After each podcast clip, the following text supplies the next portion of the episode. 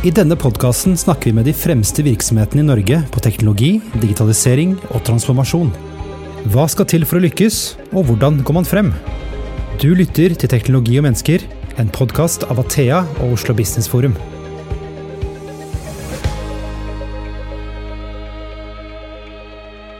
Hei, nå byr vi på et opptak fra Arendalsuka om metaverse. Vi dykker ned i hva dette egentlig er, hvor vi er på vei hen, og hvilke muligheter dette representerer for næringslivet. Jeg tror at du blir både litt klokere og mer nysgjerrig på det som nå alle snakker om. Ukens gjester er Sofia Adampour, NFT-strateg og grunnlegger av Verse Gallery, Ola Bergem fra Microsoft, Nine Hareide Larsen fra Meta, Per Storø Petersen fra Sintef Digital. Mitt navn er Christian Brostad. Vi setter i gang. Mitt navn er da som nevnt Sofia Dampour, og jeg grunnla Verse Gallery um, i 2021. Nordens første fysiske NFT-galleri. Og det fungerer egentlig mer som en læringsarena sammenlignet med tradisjonelle, hvordan tradisjonelle gallerier uh, opererer. Rett og slett av den grunn, for det er et behov for å dele kunnskap. Den, og det er ingen andre som har gjort dette tidligere. Vi har opplevd at man trenger et fysisk rom for å snakke om abstrakt teknologi. Noe blokkjedeteknologi, kryptovaluta, NFT-er og metaverse i aller høyeste grad er. Jeg har noen notater her, ettersom det er en podkast vi spiller inn. og man vil få med seg det meste. Og jeg tror virkelig ikke at det er tilfeldig at fremoverlent Athea ønsket at jeg skulle holde denne innføringen, ettersom jeg tilhører generasjon Z, de som er født mellom 1997 og 2012. Det er vi som vokste opp med internett og mobilskjermer, og spør jeg min mor hvor mange timer hun eh, tilbringer på telefonen, så er svaret én til to timer. Jeg har sjekket det selv på skjermtidsappen hennes. Jeg, kanskje litt mer enn gjennomsnittet, seks timer om dagen kun på mobilen, ikke PC-en. Nevøen min igjen, neste generasjon der, ni-ti timer. Så man ser veldig tydelig at vi beveger oss med, med digitalisert hverdag i et mer, stadig mer globalisert samfunn. Jeg har familie i Iran. Under pandemien opplevde vi at vi ikke kunne ha noe fysisk kontakt med dem. Um, sju år tilbake i tid så måtte vi dra innom en kiosk for å få et telefonkort for å fylle på SIM-kortet for å kunne ringe 500 minutter bort dit og uh, holde en samtale om en veldig dårlig telefonlinje.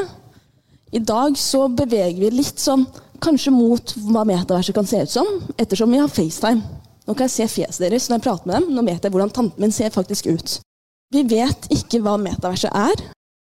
Vi er i en tidlig fase hvor man diskuterer hvordan dette kan se ut. Jeg spilte Habbo, Club Penguin, Sims som barn. Der møtte jeg Sigrid, min klassekamerat og klassevenninne, som eh, jeg hang med under skoletiden, men uh, som jeg ikke fikk lov til å besøke etterpå. Da møttes vi i en virtuell verden, hvor vi kunne velge hvordan vi så ut. Hadde ingen begrensninger som kvinne, som en person med minoritetsbakgrunn, eller kanskje noen talefeil. Der kunne jeg selv velge navn og få bukt med veldig mange barrierer på allerede der som eksisterer i en fysisk verden i dag. Det er noen av mulighetene som eksisterer, og som mennesker med funksjonsnedsettelser kanskje opplever i større grad. I metaverset så er mulighetene mange og flere. Man forsvinner raskt når man er på en plattform som Roblox, inn i en annen virkelighet. Jeg så gjennom tallene i går, måtte bekrefte dette. Det er 200 millioner aktive brukere på Roblox i måneden. Det tilsvarer 2% av verdensbefolkningen. Og vi er i 2022. Det er en type metavers man kan diskutere i dag. Men det er ikke det metavers man ser for seg, som har den markedsverdien man har estimert vil være på 800 milliarder dollar innen 2024. 5 trilliarder dollar innen 2030, ifølge McKinsey. Disse tallene er estimert basert på hva metaverset kan hente ut fra netthandel, markedsføring, utdanning og gaming. Som jeg gleder meg masse til å diskutere senere i panelet, hvordan man kan ta i bruk. Jeg nevnte Roblox. Av de 21 millioner brukerne, aktive brukerne i måneden, så er 67% av disse under 16 år. Vi, vi som spilte Habbo da jeg vokste opp, fikk en fysisk femtelapp. Tok den med til en butikk i nærheten. bytta den inn mot, en, mot et kort med noe kode på, en, en lengre tallrekke. Dro tilbake til PC-en, tastet den inn. Plutselig hadde jeg en ny økonomi jeg forholdt meg til i et tidlig stadie av noe type metavers. I dag i Roblox så spiller barn og skaper egne økonomier, skaper egne spill, driver med netthandel og digitale transaksjoner, og er veldig vant med dette.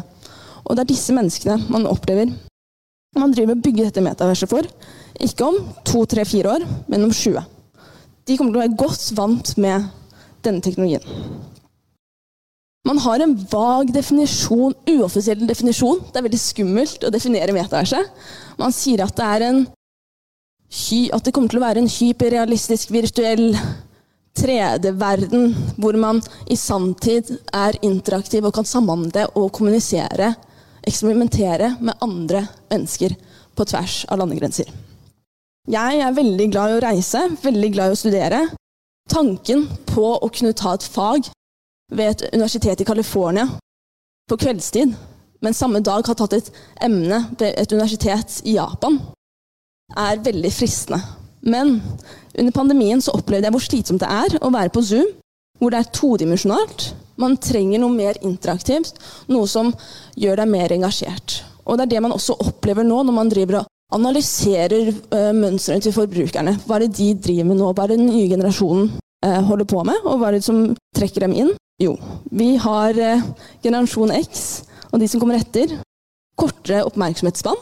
Vi trenger å bli engasjert i større grad for å ta beslutninger. Og det er der metaverset på en måte tilbyr veldig mange muligheter. Vi ser at bedrifter som Nike allerede har gått inn og investert og kjøpt faktisk opp RTFK, Artfact, som er eh, en NFT-kolleksjon man oppdaget ganske tidlig. Og det er digitale sneakers de produserer. Og så tenker man litt sånn digitale sneakers, hvilken verdi har det? Jo, før du har handlet et fysisk produkt, så har du investert i produktet. Ved å kjøpe den NFT-en som du senere kommer til å bruke i den virtuelle verden, så har du garantert salget og gitt likviditet til selskapet for at de kan jobbe med dette videre. Um, og så er det selvfølgelig snakk om klimaendringer. Disse råvaremanglene, um, disse krisene vi snakker om og hvor viktig det kommer til å være å ha tilgang til disse. Kanskje ikke den fysiske verden, men den virtuelle. Så det er også et viktig aspekt. Mange snakker om uh, energipåkjenningen uh, blokkjedeteknologi fører med kryptovaluta. Veldig få snakker om hvilken energiforbruk det får bukt med i den fysiske verden, når man nå beveger seg mot en stadig mer digitalisert hverdag. Vi har nevnt markedsføring. Når du i metaverset engasjerer publikum, så gir du på en måte det gleder jeg meg også veldig mye til å prate om, for her har vi de største selskapene i verden. De som er de mest fremoverlente og har risikokapitalen til å utforske slik det gjør akkurat nå. Det jeg syns er spesielt, eller det man oppdager da, eh, inne på galleriet vårt i Pilestredet, er at de første som kom inn døra, det var Orkla. Det var Møller-gruppen. Det var de store bedriftene med litt mer kapital, og de som utforsker litt mer, som kommer og stiller de største spørsmålene tidligst. Og da ble jeg litt overrasket, for dette var egentlig en, en sfære man skapte for studenter. Men her var det bedriftene, de store, som kom. Wilhelm Wilhelmsen, som driver med shipping. Hvordan, hvordan kan de få bruk for metaverset? Jo, de kan gi opp opplæring til sine ansatte.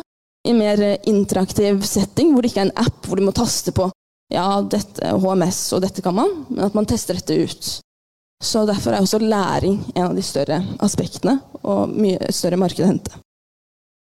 Vi har allerede opplevd at den første ambassaden i Metaverse er blitt etablert, Barbados. Um, I fjor Nei, i fjor, i fjor, Forrige uke, ting går veldig fort her, uh, så hadde vi besøk av ambassadøren um, til Filippinene inne på Verse, og da prater vi om uh, hvilke muligheter de har som et mindre land med litt mindre økonomi, Eh, til å ta mer plass i metaverset. At de ikke opplever de samme begrensningene. Eh, de var jo veldig redde for at de større landene ikke skulle akseptere deres ambassade hvis de opprettet noe i metaverset. Men det de kanskje ikke tenker på, er at de større ambassadene kanskje allerede har tenkt den tanken. Sparebank1 kommer senere i dag til å lansere deres første filial i metaverset, hvor eh, vi tidligere sommer var med på å diskutere designet i samarbeid med Snøhetta. Så ting skjer, og det skjer raskt. For to år siden så var det veldig mange som lo da vi snakket om NFT-er og metavers. Allerede da, eh, da vi var innom Samsung, så tullet vi litt med at ja, disse The Frame-TV-ene deres de kommer en dag til å vise NFT-er. Da visste jo ikke mange på det kontoret hva det egentlig var, tilbake i 2020. I dag så er jo de de mest fremoverlente og skal introdusere en egen markedsplass på, som er integrert i disse skjermene. Det gleder vi oss veldig til, og det bør vise hvor fort, større, hvor fort ting beveger seg. Hvis det var noen spørsmål, så er det bare å si fra. Jeg er veldig sikker på at vi får det meste ut av vakre panelsamtaler vi kommer til å ha nå. Med Microsoft Meta og Sintef, det er to selskaper som får veldig, veldig mye oppmerksomhet blant oss som driver med NFT på litt mer sånn grasrotsnivå. Hva er det Ok, når um, Microsoft sin plattform uh, forbyr bruk av NFT-er, eller ja, så vekker det mye opp, oppsikt, og det blir interessant å diskutere de aspektene òg. Tusen takk.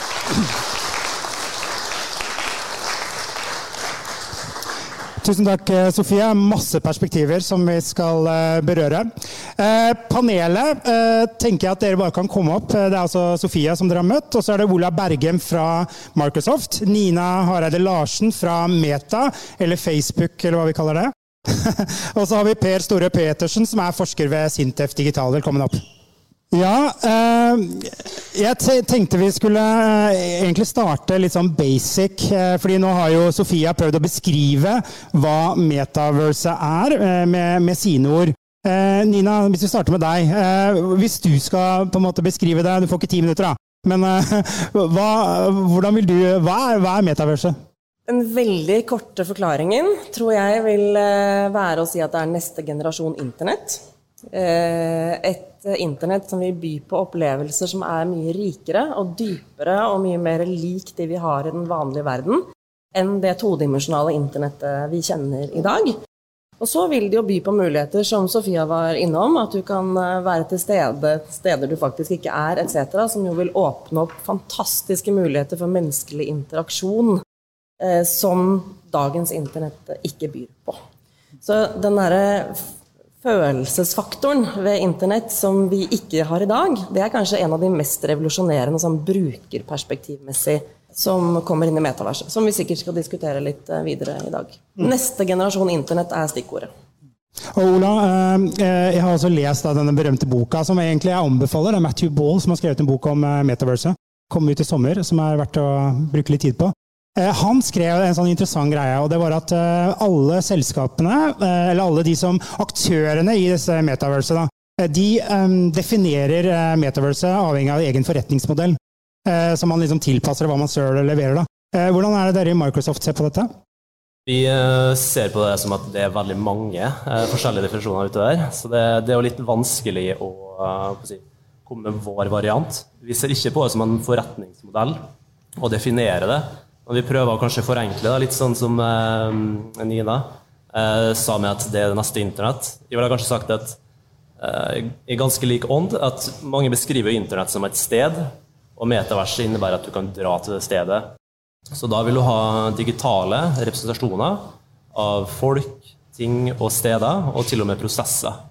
Eh, og så er det også eh, interessant, for jeg eh, tenkte med deg Eh, per, eh, liksom, hva er metaverse ikke? Fordi, eh, det er også et interessant spørsmål, fordi man ser at VR, AR Vi føler på noe av den metaverse-teknologien som allerede er der. Da. Men så er det jo eh, folk som hevder at en virtuell verden nei, det er ikke metaverse. Har du noen refleksjon rundt hva det ikke er? Uh, tja, altså Det jeg ville ha sagt, kanskje, er at metaverset er, det er ikke egentlig én ting. Altså, det er kulminasjon av ulike typer teknologier og bruksområder eh, som vi per i dag egentlig kan tenke, og, tenke, om og se eksempler på som begynner å manifestere seg i form av eh, sosiale VR-plattformer, i form av plattformer som, som Roblox eh, og, og, i form av nye samhandlingsløsninger. Men, men metaverset som en ferdig definisjon per i dag den, det, det, vet vi rett og slett ikke. Det, det, det er en idé. Er når vi nå sitter her og snakker i dag, så snakker vi egentlig som futurister. Vi, vi, vi, vi tenker rundt det, og, og, det har veldig verdi, mye verdi i seg selv. Uh, fordi per nå så er det egentlig på en måte, for å si det litt klisjéfullt, bare fantasien som setter begrensninger for hvordan man kan se det for seg. Uh, vi kan snakke litt kanskje senere hvordan det her kommer til å fremskride. sannsynligvis. Da vet vi jo at teknologiske frembrudd kommer til å prege det. Bruker eh, hvordan ting blir brukt. Eh, og, og, men det er interessant, som du sier, den Matthew Ball-boka sier jo litt om at eh, noen leverandører prøver kanskje å gjøre det til sin definisjon. og Det kan passer deres på en måte, økosystem. Men, men uh, sannsynligvis så kommer ingen til å så klare å, å holde, holde, på på det her som sin greie. Det kommer til å utvikle seg. Det er jo et vanskelig spørsmål du stiller, da, Kristian. det er jo litt som hvis vi tenker oss tilbake i eh, Jeg husker jeg logget på internett første gang i mitt liv lille julaften 1994. Da kom jeg på internett, og siden jeg har vært der. Men hvis noen da hadde spurt meg hva er dette? Hvordan kommer det til å se ut om 20 år? Det er ingen av oss som hadde forestilt oss dette her. At det er den primære kontaktflaten der hvor vi har underholdning. Eh, også da Facebook ble lansert i som, hva var det for noe, 2004 og slo an for fullt i 2007. Hvis noen hadde fortalt oss hva det skulle bli om 15-18 år Vi hadde jo ikke klart å forestille oss det. Derfor er det så viktig at vi diskuterer metaverset i dag. Fordi vi diskuterer det jo med en helt annen forutsetning nå, fordi vi vet veldig mye om hva internetteknologi kan by på, enn vi visste da man begynte å bygge ut internett som vi kjenner i dag. Så det er jo som det er et stort spørsmål, det er umulig å svare på, men det er kjempeviktig at vi har den diskusjonen nå. Eh, og Vi kommer jo litt inn på liksom praktisk her, så det ikke blir så veldig teoretisk. Men eh, Sofia, eh, for kidsa som du nevnte, som, har vokst opp, eller som vokser opp med det her, da, Eh, så er dette åpenbart en god idé. Men er det en god idé bare for kidsa, eller er det for virksomheter også? Det er absolutt en god idé for virksomheter òg. Det er det vi har sett med de som har kommet innom og spurt om hvordan de kan bruke dette, og mulighetene for å drive med opplæring av ansatte på en mer effektiv måte. Eh, man ser jo at EUs nyeste rapport om hva arbeidstakere ønsker, er mer fleksibilitet. Hva er det som muliggjør det? Jo, metaverset vil jo i aller høyeste grad tillate det vi har sett allerede skje en på en todimensjonal plattform under pandemien, hvor fort folk tilpasset seg eh, Teams og alle disse Zoom, og plutselig så hadde jeg en foreleser som ikke kunne sende e-post til én student. Da svarte man hele, hele, klassen. Men man klarte uken etter å opprette et rom med over 200 studenter og ha en forelesning der. Så det er jo veldig interessant å se hvordan man får til det. Norge i dag har jo den høyeste sysselsettinga noensinne, eller i hvert fall høyere enn snittet, eh, sett de 30 årene eh, tilbake i tid. Og eh, næringslivet i dag spør jo seg hvordan kan man holde på talenter. Hvordan kan man holde på generasjon Z? Og der tror jeg Sofia er inne på noe veldig sentralt. Da, fordi altså, Når en ung programmerer, talentfull programmerer i dag går til sin første arbeidsgiver og spør hvorfor kan jeg ikke, dra, hvorfor kan jeg ikke jobbe fra Berlin, jeg kan jo bare logge meg på derfra og, og jobbe i virtuelle rom eller via eh, en AR-samhandlingsapplikasjon eh, etc. Skal du begrense meg på det? Eh, man kan fort risikere å miste verdifull arbeidskraft hvis man eh, ikke følger med på hva som skjer. En ting jeg, vet ikke hvem jeg skal stille spørsmålet til, fordi eh, Vi snakker jo ikke om ett metaverse. Eh, og det kan jo være litt forvirrende for folk. du lager din egen avatar. Eh, jeg spør deg, Sofia, siden du er kiden, holdt jeg på å si. Eh, er det sånn at du lager en avatar, og så kan du bare bevege deg mellom alle disse metaversene? For det er jo en kamp her mellom eh, Vitalik Buterin, skaperen av Ethereum, skrev senest forrige uke at alle de store selskapene som tror de sitter på svar om hvordan metaverse ser ut, og hvilke avatarer man kommer til å bruke, kommer til å feile. Um, jeg ser jo for meg at Jeg vet ikke hvem her som har prøvd Microsoft sine HoloLens-briller. Det er en ekstrem opplevelse. Da ble jeg overbevist, ytterligere overbevist hvis det er mulig, om at dette er hvor vi er på veien. Jeg hadde på et par med briller, ikke noen kontroller, og kunne tegne luften, kunne se navnet til den andre personen som også hadde på de brillene. Litt trist at flere ikke får den opplevelsen fordi prisklassen er så høy. Jeg tror er 60 000 for et par med briller. Men det var jo mobiltelefon òg. Alle hadde ikke råd til den da den ble introdusert. Ikke datamaskiner engang. Um, så det er interessant å se hva slags at du nevnte jo det, ikke sant? tok opp telefonen. Det er den vi bruker nå etter 15 år. Om 9-15 år vi vil jo være mer mobile, kunne se opp mens man gjør ting og har samtaler. Kanskje det skjer med et par eh, lettere briller og ikke de tyngre skjermene man er vant med og tror metaverset er, da, når man må ta på disse VR-brillene som er litt tunge. Du toucher innom et veldig uh, essensielt prinsipp i hvordan man er nødt til å bygge neste generasjon internett, som handler om dette ordet som heter interoperabilitet. Som jo er eh, litt sånn fremmed ord, men som jo egentlig basically betyr at vi skal kunne klare å få lov til å bevege oss i disse universene med utgangspunkt i oss som brukere, Og ikke i på en måte, hvordan en plattform ønsker at man skal uh, bruke den, eller på en måte som innluk innlukkede brukere. Uh, man kan jo egentlig sammenligne som, hvordan man må tenke ut dette som uh, strukturen på et hus. Da. Du har en, en grunnmur av teknologi. Du har et brukerperspektiv, og så har du alle brukeropplevelsen som ligger der. Men akkurat som et hus har trapper, så må du jo få lov til å bevege deg akkurat som du vil. Har du laget deg en avatar, har du vært på en kjempekul konsert da, som du snakket om, og så har du kjøpt den digitale T-skjorta fra den konserten, så må du jo få lov til å ha på deg den når du går ut av det eh, universet på en måte, og inn et annet sted. Så denne interoperabiliteten som vi også kjenner fra internett i dag Du skal kunne sende en e-post fra et hvilket som helst system og motta den et annet sted. Du skal kunne se bilder uavhengig av hva slags eh, eh måte, sted den kommer fra. Så disse byggesteinene er vi nødt til å ta med oss videre og sørge for at neste generasjon internett blir mer eh, brukerorientert. Og ikke nettopp ikke disse lukkede plattformene som mange frykter at det skal bli. Så jeg opplever at den diskusjonen er høyst levende. Den er god, og den er kjempeviktig, for nå har vi muligheten til å bygge det bedre enn vi gjorde i, i første forsøk. Jeg kan legge til at det er jo et samarbeid nå i bransjen om å bli enige om standarder. Og det er jo de standardene og si, protokollene som vil muliggjøre det at du kan eh, si, reise ganske sømløst mellom metaverser. Eh, og Der er vi jo ikke i, eh, i, dag, men det er jo noe som er under kontinuerlig utvikling. Da. Jeg har sett så Både Microsoft og Meta er jo med eh, i det samarbeidet, og en rekke andre. Og Det handler rett og slett om å bli enige om hva som er ja, det beste da, for å muliggjøre den interoperabiliteten som Nina snakka om. Um, for det vi vil se i starten nå, er nok mer sannsynlig litt mer sånn lukka økosystem. Men eh, målbildet etter hvert det er i hvert fall at vi skal kunne ganske sømløst da, reise mellom. Og da vil du jo ha din avatar, du vil jo ha dine digitale eh, ting, og det, selvfølgelig skal du da kunne bringe det med deg på tvers av de ulike metaverser. Ja, det, det er uh, ord som klinger godt i brukerne sine ører, og det kommer fra teknologi Giganter er jo også veldig bra. Eh, standarder som sagt, det er jo noe som, som, som blir viktig.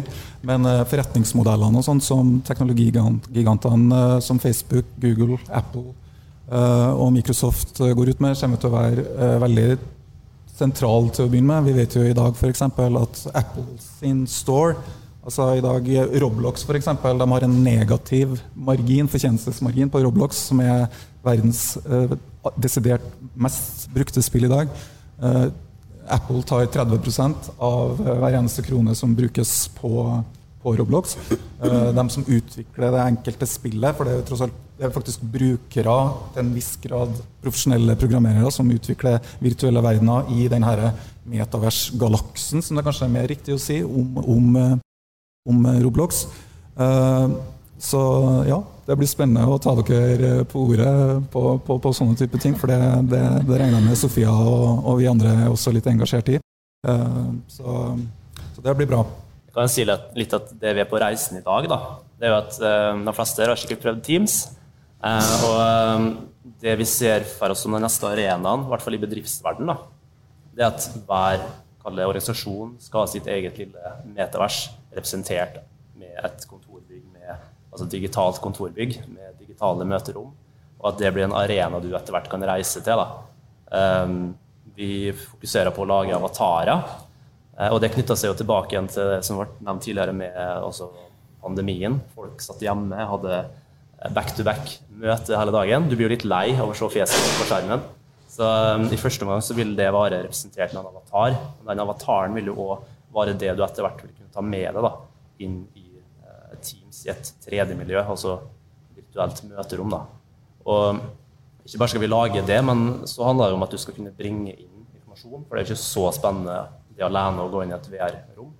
Men du kan bringe inn, da, så sier du kan holde en powerpoint eh, i metaverset. Eh, du kan bringe inn folk som kan besøke ditt eh, virtuelle bygg. Du kan ha kunder på besøk, du kan ha ja, partnere, eh, hva det skal være. Og de kan oppleve da, såkalt metavers. Det er vårt neste steg nå. Og så er interoperabilitet selvfølgelig veldig viktig, men det er litt lenger frem. da.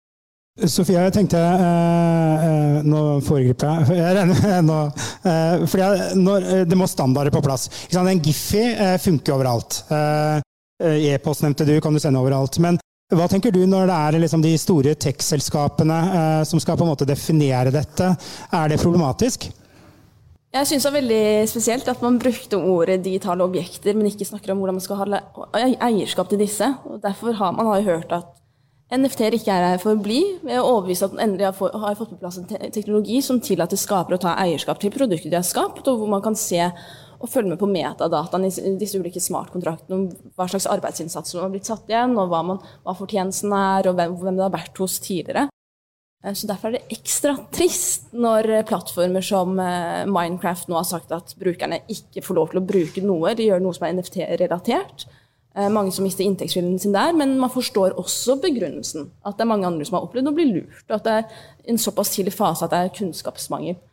Men man får jo se da, hva man ønsker at man okay, Hvis man vil sette forbrukeren i fokus, så må man også gi forbrukeren mer, en større følelse av kanskje eierskap for å ta vare på dem. Det er, det er jo større marked større konkurranse nå. Um, vi opplever sant, disse ape-jpegene som har fått mye oppmerksomhet, som har minstepris på 1,5 million norske kroner nå, er jo fordi man har klart å gi samlerne en følelse av eierskap, hvor de kan være med på å bygge opp en merkevare fra begynnelsen av. Og at de nå har blitt introdusert for eh, et nytt metavers, Otherside, som kanskje kommer til å være en stor konkurrent til Horizon, muligens. Hvor man eh, da kommer til å diskutere ok, hva er de ulike avgiftene som blir introdusert. Eh, det ble jo lika at man vurderte å ha en avgift på 47,5% hvor 30% skulle gå til Apple Apple Store, og 25% av de resterende uh, inntektene som ble igjen, skulle gå tilbake til Horizon. Dette ble ikke godt tatt imot av de som er NFT natives, Metaverse natives, som nå har jobbet med avgifter på 2,5 og har fått det til å fungere i de mindre skalaene vi befinner oss i nå. Det er ikke en av de største tech-gigantene som holder på dette, men Otherside har jo, drevet, har jo samarbeid med de større selskapene, bl.a. Samsung, som også har gått inn og handlet med metaversland der og satser og handlet inn ape, for det er en måte å drive med markedsføring òg. Um, hvor man eh, ikke sant, 50% av markedsføringsbudsjett eh, regner man skal gå i søpla.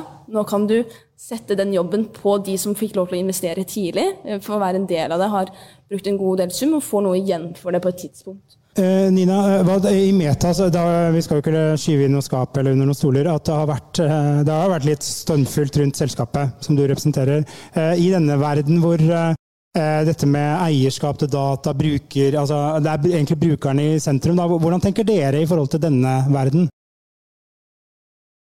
Jeg tror vi som selskap har lært ekstremt mye siden tjenestene som vi kjenner som Facebook og Instagram og Messenger og WhatsApp ble lansert.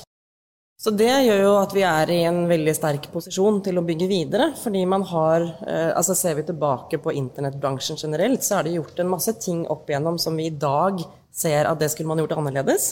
Så bare det å ha den erfaringen mener jeg er ekstremt verdifullt for å kunne bygge videre. Og så er det jo nå en debatt hvor Europa også er i førersetet rundt eh, personvern, rundt hvordan data skal håndteres etc., eierskapet. Og jeg også tror at bransjen har lært ekstremt mye, og hvor man også ser med andre øyne på det enn man gjorde der hvor man startet disse tjenestene. Da. Så jeg tror det er i dag en eh, langt mer grunnleggende eh, tilnærming til at man bygger med sikkerhet og personvern som, en, altså som første grunnsten. Eh, som ikke var i grunntankesettet på samme måte da man startet å bygge de tjenestene som som vi alle sammen bruker i dag, fordi det var på en måte ikke på agendaen. Vi visste ikke hva det var. Um, I dag vet vi det. Litt røft det jeg sa i stad, nå vet vi så mye mer om både hva som funker kjempebra, og hvilke farer som er der, og hvilke risiko som ligger der, som, som vi da må bygge videre på.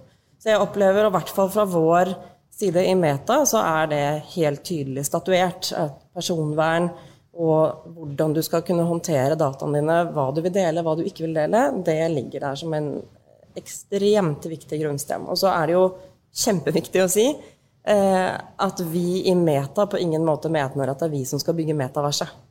Vi har sagt at vi ønsker å være en ekstremt sterk pådrags- bidragsyter til å få dette til.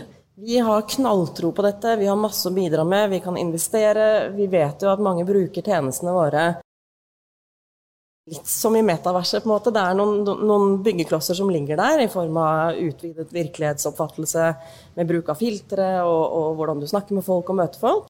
Eh, men det er ikke vi som skal bygge dette. Det vil være en sammensetning av masse tjenester, selskaper, apper, offentlige institusjoner, myndigheter, sånn som internett er i dag. Og da er vi jo avhengig av at alle er enige om at det der er et viktig prinsipp. Så vi har noen store oppgaver foran oss i bransjen på å sørge for at dette neste generasjon internett da, blir eh, sikrere eh, fra start av enn de, på en måte, som vi gjorde det tidligere. Hvis man velger å være litt teknologioptimist, da, så, så, kan det godt hende at det ikke vil være i stand egentlig for teknologigigantene å legge premissene for metaverset, nettopp fordi, med tanke på eierskap til data osv. Nettopp fordi eh, blokkjede og, og, lignende teknologier gjør det mulig for den enkelte bruker å, å eie egne data. Og, og, da kan selv på en måte velge hvilke, hvilke tjenester de, de, kan bruke. Uh, når det er sagt, så, så, er det også litt interessant, Sofia, når du, jeg vet ikke om det var med intensjon, men at du brukte ordet en følelse av eierskap. Uh, og, og NFT-er er jo, som, som, ganske mange vet, uh, også har en god del kritikk mot seg, uh, fordi de ikke nødvendigvis det er i hvert fall uklart juridisk sett. Hva eier du? Eh, er du egentlig lovlig beskytta med hensyn til om noen bryter eh, den opprinnelige avtalen etc.? etc. Det er mange mange juridiske problemstillinger knytta til, til, digitalt eierskap her i dag. Og det er rett og slett prematurt. Så sånn sett så kan man forstå at teknologigigantene reserverer seg mot det. På den annen side, det er klart, når du har en appstore sånn som Apple, Google, og andre økosystemer, så er det veldig fordelaktig for dem å holde på de forretningsmodellene som de har. Eh, de tjener nesten uforskamma mye penger på andre folks arbeid. Så her kommer det til å skje ting. Eh, helt klart. Veldig spennende kommer det å bli. Eh, jeg tenkte vi skulle være litt sånn praktiske. fordi Du har snakket om Teams i Metaverse, metaverse litt om opplæring, læring. Men Per, hvis du liksom skulle pinpointe for virksomheter som er her i salen da, eller hører på. Eh, hva, hva, hva, er det man kan bruke metaverse til i eh, næringslivssammenheng, altså for sin egen virksomhet? Det er et veldig godt spørsmål, og, og det jeg tror er, i hvert fall vi som sitter her er relativt omforent om, er at uh, like vanlig som det å ha en hjemmeside, så vil du ha en eller annen form for 3D-service uh, eller tjeneste knytta til din virksomhet. Eh, spørsmålet ditt er egentlig mangefasettert, fordi eh, den teknologien som forbindes med ja, både nåtida og fremtida, er i stor grad um, ja, Den er veldig spesifikk. Pia ga noen eksempler innledningsvis på om VR kan brukes til opplæring, eksempelvis.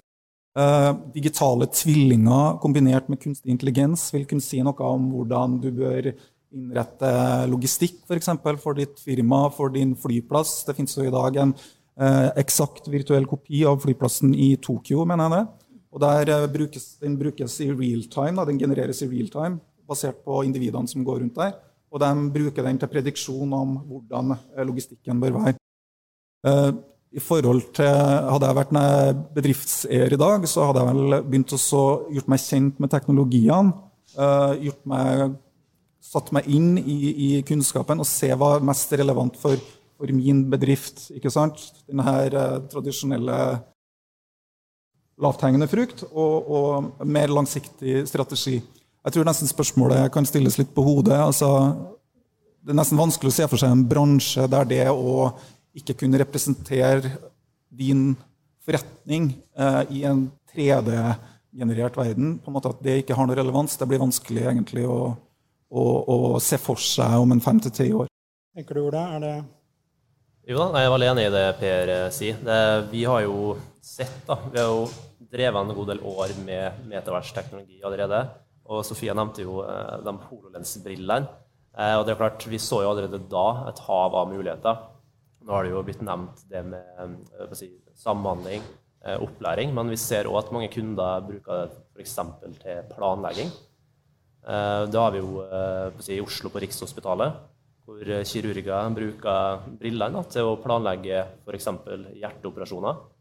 Eh, og det har jo blitt forska på, og de sier jo sier jo sjøl at de kan redusere planleggingstiden med fire ganger.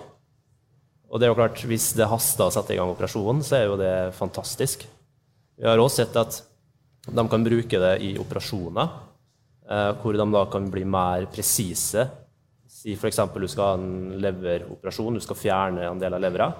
Med den typen teknologi, fordi du kan se det samtidig som du er i den virkelige verden, kan du fjerne mindre. og det er at Hvis du må gjøre operasjonen igjen senere, så har levra fått mer tid og større områder som har blitt fjerna, så den har grodd ut. Så du kan utføre operasjonen igjen.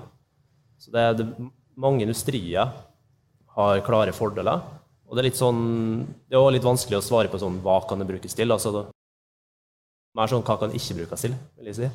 Eh, du kan eh, Målbildet etter hvert er at du skal kunne gjøre alt i metaverset som du kan gjøre i den fysiske verden.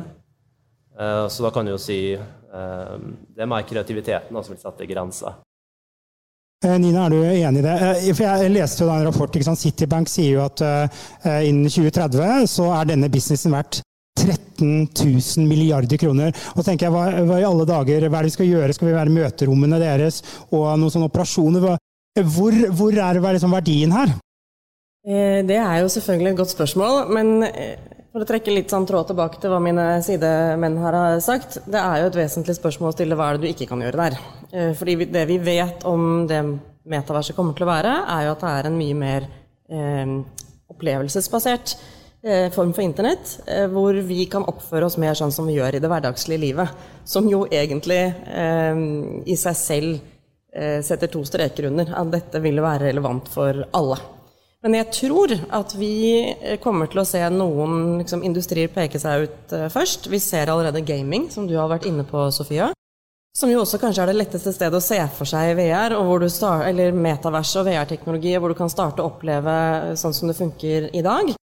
Og knyttet til det så er jo underholdningsindustrien tett eh, i, måte, i, kjølvannet på det. Og så tror jeg, som vi har vært innom, utdannelse eh, og samhandling det fins jo allerede.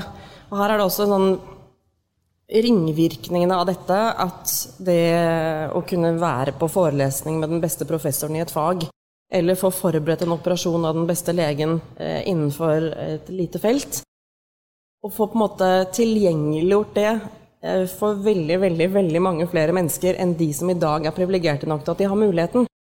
Det, altså Ringvirkningene av det må du jo ta inn i det regnestykket, ikke sant, Kristian?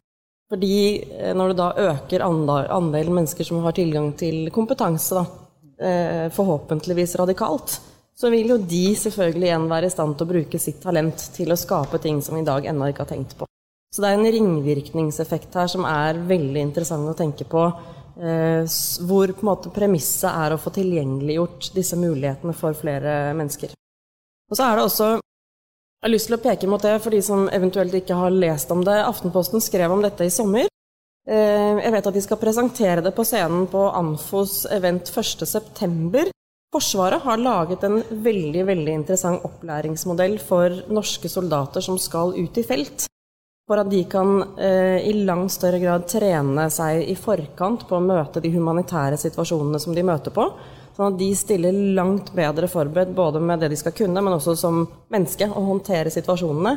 Fordi de har øvd på dette i en veldig, veldig, veldig mye mer virkelighetsrelatert situasjon enn å ta et e-læringskurs. Så er, vi har allerede aktører i Norge som er langt fremme på, på dette, i områder som ikke liksom, man ville satt først på lista, da, over hvor de er aktuelle. Så det peker jo også igjen på sant, det som dere har sagt, hvor er det det ikke er aktuelt? For når du begynner å tenke hva kan dette bety for min bedrift, hvordan kommer det til å utfordre min forretningsmodell eller det jeg driver med, så er veien til å begynne å prøve ut byggestenen i dag egentlig veldig kort. Og per, dere har jo eh, jobbet med ulike prosjekter med Metaverse-teknologi. Kunne du ikke si noe om eh, erfaringene dere har? Ja, uh, HoloLens ble jo nevnt her. Det, det er et uh, veldig fascinerende uh, og godt, godt, godt produkt. Eh, det som er viktig å påpeke i, når man tar i bruk ny teknologi i arbeidslivssammenheng, og kanskje spesielt i Skandinavia, kan jeg se for meg det med på et sånt ja, teoretisk grunnlag, da, men, men, men der, der, arbeidstaker har ganske stor grad av innflytelse. Det er, stor, det er relativt flate organisasjoner. Altså, det hjelper ikke at teknologien er god når du kan den. Den må også være veldig, veldig lett å ta i bruk. Den må være lett å komme i gang med, og den må være forankra. Så når forskere ser på hvordan teknologi blir eh, tatt imot, og i hvilken grad man klarer å realisere potensialet i verdien, så er man også veldig opptatt av de såkalte teknososiologiske faktorene.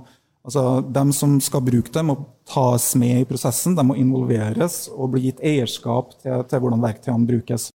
Så Det står ofte veldig sentralt. da.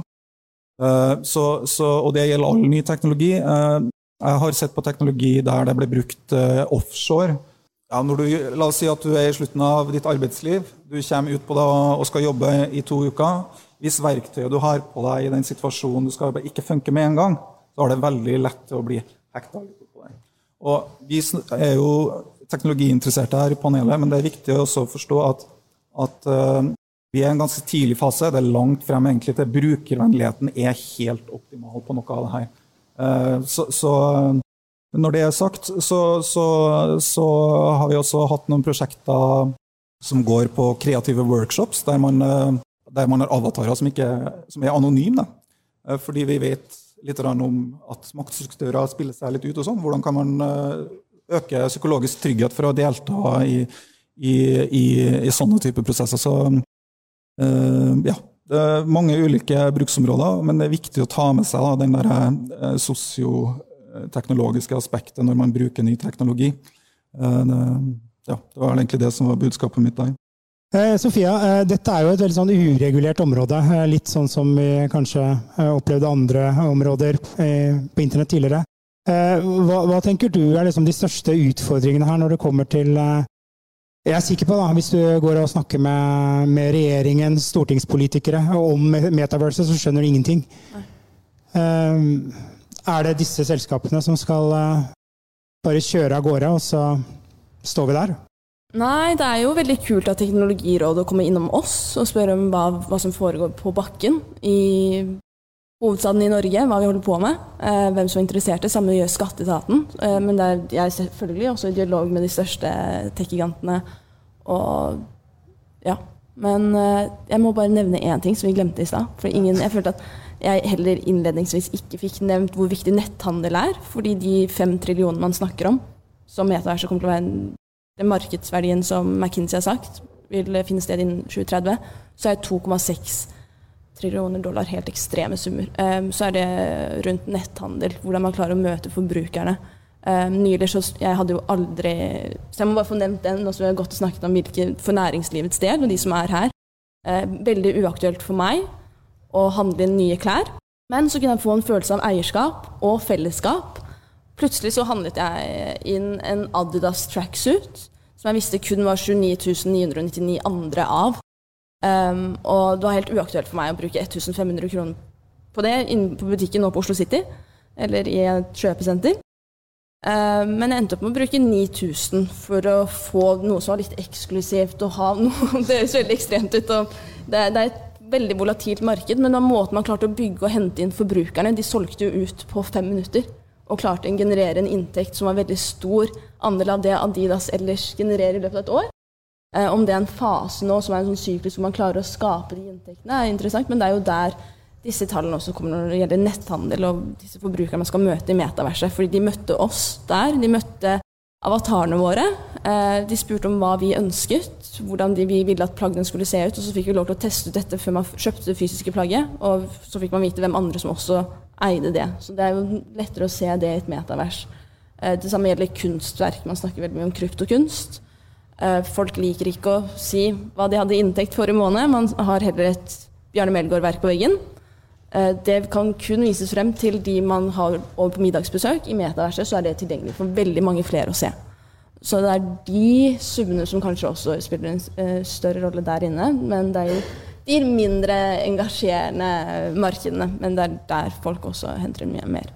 Men når det kommer til reguleringer, så er det et stort behov for det. Eh, vi venter veldig spent.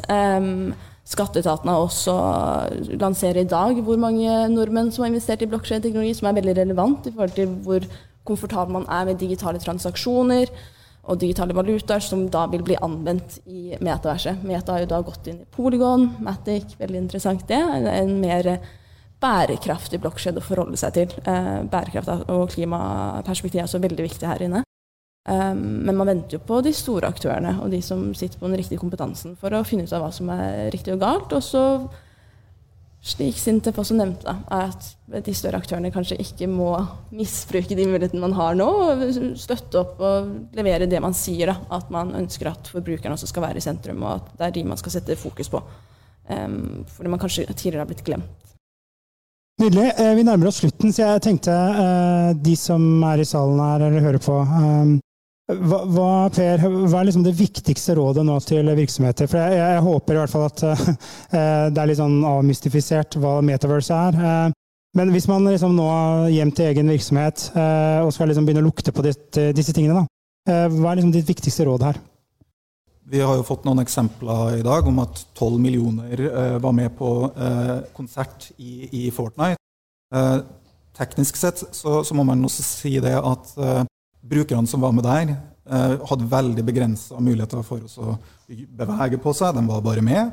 Og det skal også sies at det var faktisk 250 000 eh, digitale konserter av Travis Scott, så de ble fordelt over 250 000 konserter. Sånn at de teknologiske eh, eh gjennombruddene man trenger for, for det, før det her er liksom på, på Matrix-nivå, for å si det sånn, det, det, er et stykke fram i tid. Sånn at eh, Vær klar over Gartners eh, hype-kurve. Den gjelder også for det vi snakker om her i dag. Gjør gode valg. Kanskje, kanskje skal man ikke først utpå, men, men begynne å posisjonere seg og forstå teknologien. Det er mine, mine tips. Jeg skal svare på det. Jeg skal bare nevne en annen ting eh, først, til det forrige spørsmålet. Eh, bare sånn fra det jeg har sagt i denne debatten også. De store tech-gigantene generelt sett kan jeg ikke svare for, men jeg kan i hvert fall si fra Metas side. Vi har jo vært ekstremt tydelige på at vi ønsker regulering. Eh, både av tjenestene og på en måte internett sånn vi kjenner det i dag, men at det også er viktig eh, fremover. Så det, på en måte, det, det ligger der, og der eh, ser vi jo ofte at regulerende myndigheter har en tendens til å henge litt etter utviklingen. Så det å få løftet tempoet her, sånn så det henger tettere sammen, er kjempeviktig for, for veien videre. Når det er sagt, viktigst å tenke på nå for bedrifter er å se på de mulighetene som allerede er der. Vi opplever jo ofte en skepsis eller eh, at man ikke måte, ser verdien i å starte å, å, utforske alle mulighetene som allerede ligger i digitale plattformer i dag, f.eks. knytta til netthandel. Man har en netthandel, men man bruker ikke alle mulighetene for å få den til å blomstre best mulig. Eh, så det å ta de stegene er ekstremt viktig, sånn som internett er i dag, fordi det er den viktigste inngangsporten til å forstå hvordan bedriften din skal levere i metaverset om 5 eller 10 eller 15 år. Så ta det på alvor.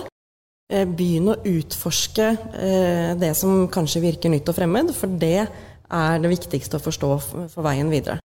Og så tenker jeg det er kjempeviktig å ta det ordentlig inn i strategisamlingene, i ledersamtalene.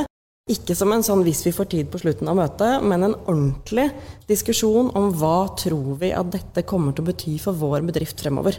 Hva betyr vår kommersielle virksomhet i dette, eh, beskrivelsen av det internett vil være om noen år? Hvordan skal vi selge varene våre? Hvordan skal vi klare å generere interesse hos et publikum som er annerledes skrudd sammen enn det vi selv er? De diskusjonene er kjempeviktige.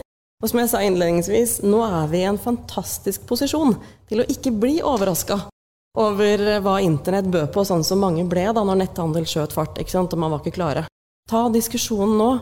Begynn å utforske. Det er kjempeviktig for å forstå hvordan man skal eh, opprettholde businessen sin, og ikke minst skape enda flere arbeidsplasser i de neste årene, når eh, metaverset mer og mer blir en realitet. Ola, hva tenker du? Eh, ja, jeg må jo legge til at Microsoft er absolutt for åpenhet og regulering i, i metaverset. Det er jo en av hjørnesteinene våre, sikkerhet. Så vi er veldig opptatt av at brukeren og organisasjonen skal eie dataene. Det er ikke noe Microsoft skal si, ha innsikt i. Det um, skal ligge hos dem. Men over til eh, ja, hvordan utforske det her universet nå fremover. Da.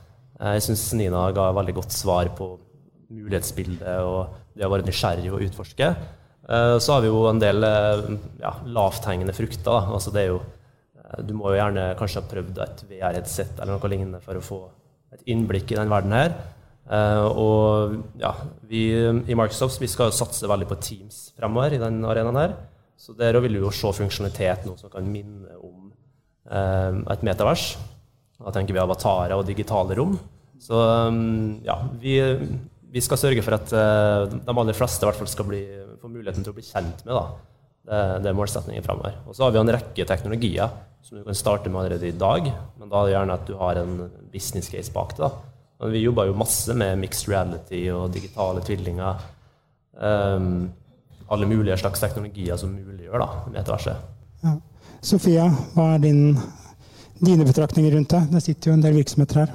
Ja, jeg er veldig veldig, veldig positiv, så jeg liker at folk trykker litt i bremsen. er litt sånn, ja, men Du nevner 12 millioner, det var egentlig delt på 250 000 servere, men for 15 år siden hadde det vært helt umulig. Ting hadde jo krasjet med en gang.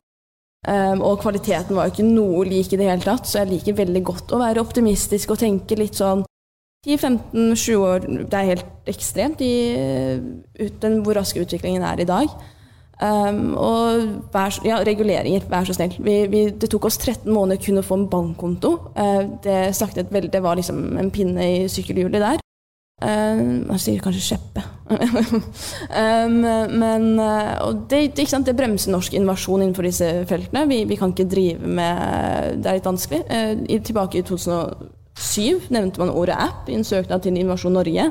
Så ble jo den søknaden kastet vekk. Var litt sånn, hva er dette? Dette vil vi ikke ha noe med. Men det samme opplever vi litt nå, da. Når vi drar til Innovasjon Norge og nevner NFT, så er det litt sånn Nei, det er jo kryptokunst. Dra til Kulturrådet av Kulturrådet er litt sånn Nei, dette er jo teknologi. Dra til Innovasjon Norge, så faller det mellom to stoler. Det er litt sånn, ok, Da får vi ikke gjort noen ting, for vi vil jo være på den riktige siden av loven. Vi vil, og vi vil være i Norge, vi vil betale skatt. Vi vil ikke dra til um, Sveits eller Portugal, disse stedene alle drar til nå. Um, for de som jobber mer med det her, da. Uh, med etter hvert å bygge dette fra en uh, sånn grasrotsopplegg med en NFT-kolleksjon som dere henter inn uh, likviditet. Um, vi venter jo på det. Nydelig. Eh, håper alle har blitt litt eh, klokere. Eh, eller i hvert fall har har kanskje fått flere spørsmål da, som er mulig å dykke ned i. Jeg tror nøkkelordet er vel, som flere av dere sa, å være nysgjerrig. Altså rett og slett bare hoppe litt eh, i det. Så Sofia, Ola, Nina og Per, tusen, tusen takk for at dere kunne være med. Og tusen takk til alle dere som har vært her i dag. Du har nå lyttet til Teknologi og mennesker, laget av Athea og Oslo Business Forum. Liker du podkasten, setter vi stor pris på om det gir oss noen stjerner og tips gjerne en venn om podkasten.